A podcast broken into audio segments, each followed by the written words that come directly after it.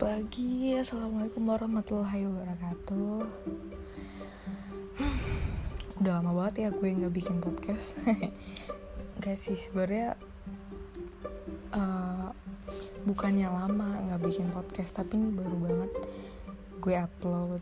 Um, jadi udah udah apa ya maksudnya udah gue bikin secara materi gue mau nyampein apa tapi untuk segi perekaman terus untuk kasih tahu ke kalian itu uh, lama gitu. Karena kesibukan satu dan lain hal dan juga ngurus podcast di platform lain dan juga di brand lain jadi ya gitu lah. Oke jadi gimana nih uh, new normal kalian? Uh, mau di negara Indonesia ataupun di negara lain ya kan? Uh, semuanya itu melakukan proses new normal. Tapi kalau di Indonesia sendiri ya karena gue orang Indonesia jadi gue mau nanya nih gimana uh, apa yang kalian rasakan apa yang kalian nikmatin? Apakah sama aja atau ya kayak kegiatan biasanya tapi ditambah dengan rasa was-was gitu apalagi di new normal kayak gini uh, semua orang kan juga udah mulai kerja lagi udah mulai aktivitas lagi gitu kan. Dan ruang gerak pun lebih agak lebih luas gitu. Nggak yang terlalu kaku banget kayak awal-awal corona sampai akhir bulan kemarin gitu. Lah ya.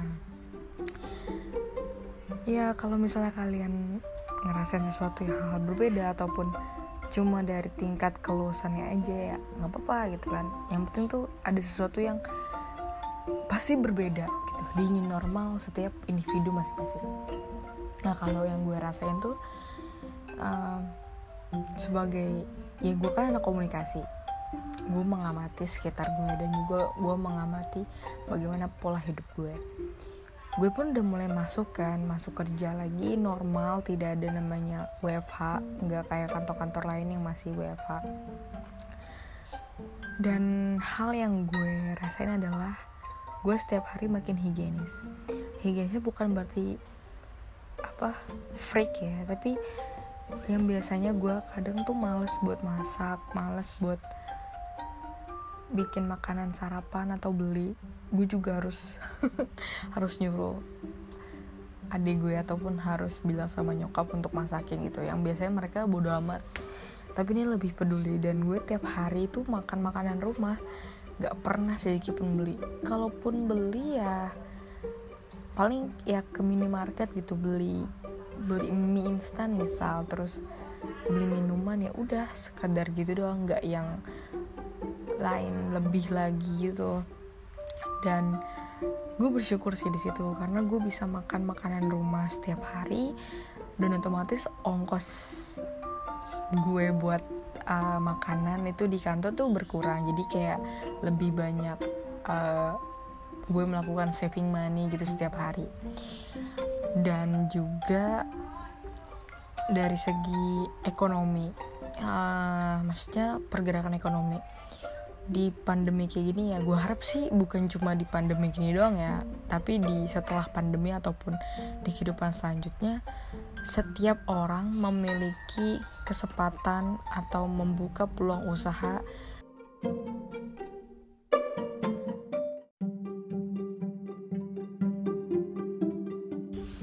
Ya gimana ya? Setiap orang tuh sekarang mulai buka peluangnya sendiri. Jadi gue harap sih ini nggak bukan karena pandemi aja tapi buat seterusnya. Semua orang punya usaha semua orang bisa dagang semua orang punya peluang untuk berbisnis. Dan itu nyata. Setiap hari gue ngeliat di Instagram temen gue punya usaha berbisnis sarung. Tapi sarung ini kayak lebih ke anak muda dan kekinian. Uh, dan mereka mengusung toleransi. Jadi kalau misalnya sarung bisa bentuknya kotak-kotak atau garis-garis biasa tapi ini custom sesuka lo jadi kayak motifnya warnanya ataupun sekalipun kalau lo mau masang muka lo di situ ya boleh gitu asal lo pede. Ya terus um, ada juga yang bikin kue. Temen kuliah gue dua-duanya terus banyak banget reviewnya enak. Terus ada yang bikin makanan dari sagu dan termasuk gue pun juga jualan loh gue juga jualan pempek. Ya gimana ya? Semua orang tuh punya punya peluang. Dan setiap bisnis yang mereka lakukan termasuk gue tuh bukan berarti cuma buat gue gitu tapi kita ngerekrut orang ataupun kita yang join orang. Termasuk gue. Uh, gue pun tadinya kan gue cuma jualin cireng cireng nyokap gitu loh tapi ini kolektif. Terus karena banyak juga yang minat akhirnya gue kepikiran ternyata gue punya tetangga yang sangat membutuhkan. Terus gimana sih cara gue ngebantunya? Ya karena ya lewat makanan makanan yang dia buat itu pempeknya enak banget. Kacau sih sumpah tuh enak banget gak habis pikir sih. Terus akhirnya kata gue wah kayaknya bagus nih kalau dipasarin dan semua orang tuh harus cobain gitu. Dan karena hal simpel kayak gitu akhirnya sekarang udah mulai berjalan dan bukan cuma dia doang yang dihidupin dari PMP itu tapi dari tetangga-tetangga gue yang lain untuk membantu penjualan dan maupun pembuatan itu juga uh, ikut tertolong. Dan gue sebagai ya promosi lah apa uh, marketing lah marketing dadakan itu. Tapi di situ gue seneng. Karena apa? Hal sepele hal simple. Hal yang dia cuma lu pengen ngasih tahu oh nih gue makan pempek ini enak loh gitu. Tapi berbuah jadi bisa ngebantu orang lain. Dan di posisi kayak gini tuh lo bukan cuma bisa bikin peluang kerjaan buat satu orang tapi buat beberapa keluarga gitu setelahnya. Dan juga banyak tuh kan reseller. Nah itu semuanya tuh reseller ataupun dropshipper tuh uh, juga bikin peluang untuk nafkahin beberapa keluarga lainnya tuh besar. Jadi kayak uh, bisnisnya teman gue yang sarung tuh sarung gue itu sarung gue itu gue nggak tahu sih cara bacanya tapi lo bisa cek sarung gue.id itu mereka juga nerima dropshipper atau reseller. Tapi gue nggak tahu sistemnya gimana. Cuman setelah dari itu uh, di hari-hari biasa masih banyak yang ingin menikmati bahkan menjajal sarung buatan mereka. Menurut gue itu poin bagus. Terus uh, kalau gue jelas tetangga-tetangga gue di diberdayakan di sini untuk berkreativitas dan mencoba untuk lebih baik dan mendapatkan tambahan dari efek ekonomi si corona ini terus juga kuenya yang dibuat sama teman-teman gue mereka kan sebenarnya bisnis bukan bisnis yang satu uh, bisnis traveling uh, dia jadi kayak tour guide gitu tapi sendiri juga. Terus kan karena corona kan nggak bisa lo leluasa keluar negeri lagi kan tanpa surat yang menyatakan lo bebas corona. Jadi otomatis tutup dan dia bikin usaha makanan apa pun dibuat. Makanan resep keluarganya tuh dijualin sama dia. Dan menurut gue itu hal positif sih. Itu keren banget. Terus yang kedua juga bikin kue kayak kue bolu yang biasa dia, dia do dan sorry sorry. Dan dia tuh kan WFH namanya Gian. Terus abis itu bikin uh, kue bolu. Dan gue ngeliat review itu bagus dan gue juga sampai ngiler. Cuman gue nggak tahu sih rumahnya di mana. Dan dari situ gue yakin orang yang sepintar dia dia juga masih sibuk kuliah juga. Apa S2 terus uh, yang biasanya nge sana sini nggak bisa diem sama sekali weekend. Tapi sekarang dia aktivitasnya memasak. Menurut gue selain dia untuk mencari tambahan tapi juga jadi ngelatih skill dan menambah kesibukan baru gitu. Uh, maksudnya kesibukan betul hal positif. Dia bisa ngolah skill masaknya lebih dewa lagi. Hal-hal yang kayak gini tuh yang nggak yang kita nggak sadarin. Dan juga beberapa uh, eh enggak sorry menurut gue ya setelah ada stimulus-stimulus kayak gitu. Melihat beberapa teman yang jualan yang tadinya gue nggak pede ah gak mungkin nih gue bisa jualan. Tuh akhirnya gue bikin lah rebranding tuh pempek ya kan? Gue namanya jadi pempek tetangga terus logonya yang cute lah yang manis gitu yang simple yang bisa dilihat uh, dan gampang diingat sama orang. Dan teman-teman gue yang tadinya no brain maksudnya no brain jualan kayak cuman yaudah nih buatan atas namanya. Terus akhirnya mereka bikin sendiri gitu kayak cemilan pasutri terus baso lah uh, apa namanya somino baso urmi dan nama sominya terus singkatan nama basonya umelor terus cookies apalagi ya uh, terus parfum. Ah banyak deh. Dari jadi apa ya?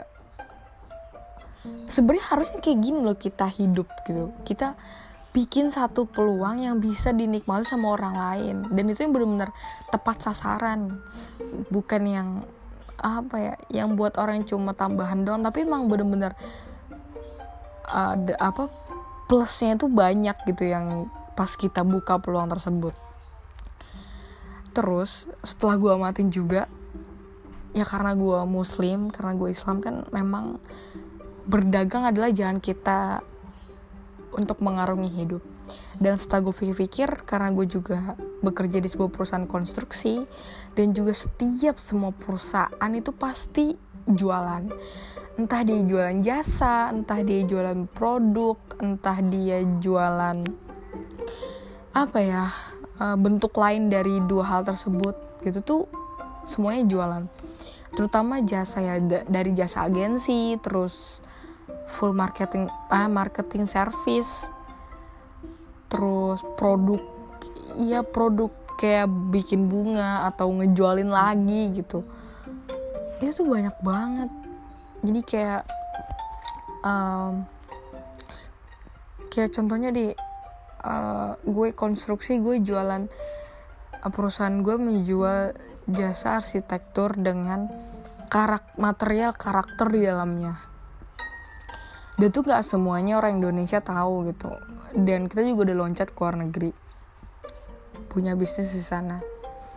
Jadi kata kuncinya adalah ketika lo punya passion di salah satu tersebut entah passion lo apa kayak gitu terserah.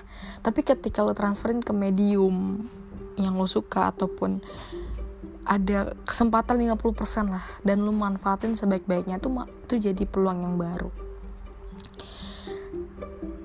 Jadi kesimpulannya bisnis-bisnis kecil kayak gini yang dari rumahan terus tiba-tiba bergerak jadi lambat laun menjadi besar itu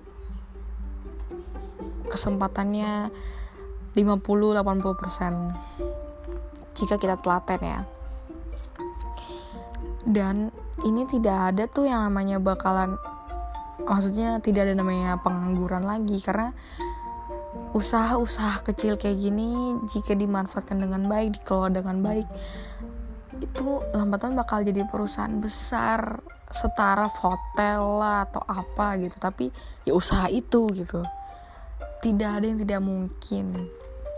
Jadi gue sangat beruntung adanya corona ini karena setiap orang tuh dipaksa untuk kreatif. Yang tadi yang kit gue uh, gue juga kenal sama namanya ada uh, band namanya Rubah di Selatan dan gue temenan sama salah satu personilnya namanya Gilang. Dia otomat dia kan desainer maksudnya desain grafis handal gitu pro. Dan dia memang passionnya juga di musik. Nah kan karena ada corona ini musiknya dia redup dong. Maksudnya kayak hilang sementara otomatis gimana sih caranya dia buat bertahan gitu kan? Dia dia kembali lagi ke passionnya dia itu desain grafis tapi lebih uh, global lagi. Dia mencoba untuk mengorek-ngorek dimensi yang berhubungan dengan grafis. Seperti yang dia bilang gue ingat banget uh, posisi kayak gini tuh bikin orang terjepit dan posisi kayak gini bikin semua orang mengerahkan seluruh kekuatannya yang paling dalam dan ya kita hidup di tengah-tengah ke kemudahan teknologi ya lo harus kreatif gitu. Di mana pun mediumnya di mana pun jenis usahanya semua orang tuh kreatif. Dan gak ada yang gak mungkin semua orang itu pasti kreatif. Tapi ya harus didorong dengan kekuatan besar baru dia mau gitu. Tapi kalau misalnya kreatifnya kayak cuman ngeliat peluang asal-asalan gitu atau kayak ya iseng tapi iseng nggak ditekunin. Itu udah bukan kreatif lu kayak cuman aji mumpung aja. Yang yang memanfaatkan aji mumpung itu yang tidak bakal bisa bertahan. Tapi kalau dia emang pengen mengeksplor kreatif apa ke kreatifannya terus melihat ini hal yang positif dan membantu orang lain lu usaha tapi sambil ngebantuin orang lain juga tuh berkah cuy. ya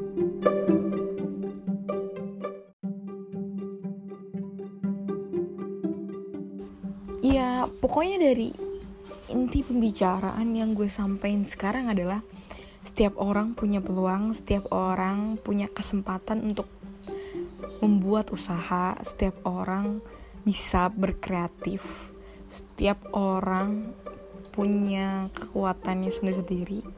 Tanpa harus dikulik tapi sebenarnya tuh dia udah tahu gitu. Cuma tinggal dikembangin aja. Terus setiap orang punya kesempatan untuk selalu membantu orang lain. Jadi itu nggak ada yang namanya mustahil.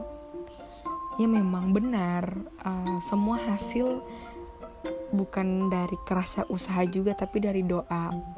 Dan hasilnya mau buruk atau baik kita pun juga nggak tahu. Tapi kita, yang penting kita udah berusaha dan diawali dengan niat yang baik.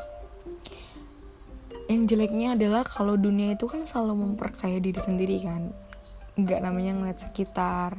Dan cuma ya paling berapa orang sih? Satu persen lah atau 10 persen dari dunia ini yang peduli gitu sama orang lain. Tapi kita semua bisa membunuh stigma itu. Stigmanya yang kalau gue kaya baru gue sedekah deh kalau saya gue kaya baru gue bantu orang. Jangan kayak gitu. Dengan lo sembari usaha nih sekarang merintis lo juga bisa sambil ngebantu orang lain. Dan itu nggak mustahil bos. Dan semua usaha lo bakal jadi ada storynya tersendiri kayak lebih bermakna gitu lebih meaningful kan? Hmm, corona tuh nggak jelek nggak buruk-buruk banget nggak jelek-jelek banget. Asal lo bisa ngeliat peluang dan lo bisa membuat momen ini tuh lebih lebih berarti lagi setiap langkahnya. Jadi uh, gue percaya sama setiap orang yang berusaha untuk memperbaiki taraf hidup keluarganya maupun diri sendiri gitu. Gue yakin lo bisa. Jangan nyerah ya. Kita lewatin ini bareng-bareng. Dan gue percaya uh, setiap usaha yang kalian lakukan meskipun kecil tapi akan berbuah manis nantinya di belakang. Dan ingat kita hidup nggak sendiri kita hidup sama orang lain. Oke? Okay?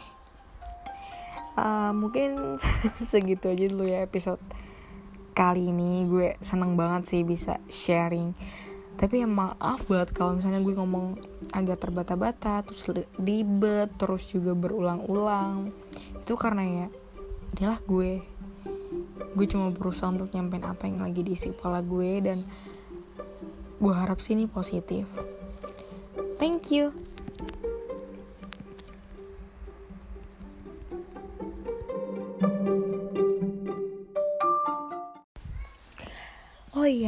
sebelum gue pamit, gue mau kasih tahu uh, ini salah satu lagu yang bikin gue semangat.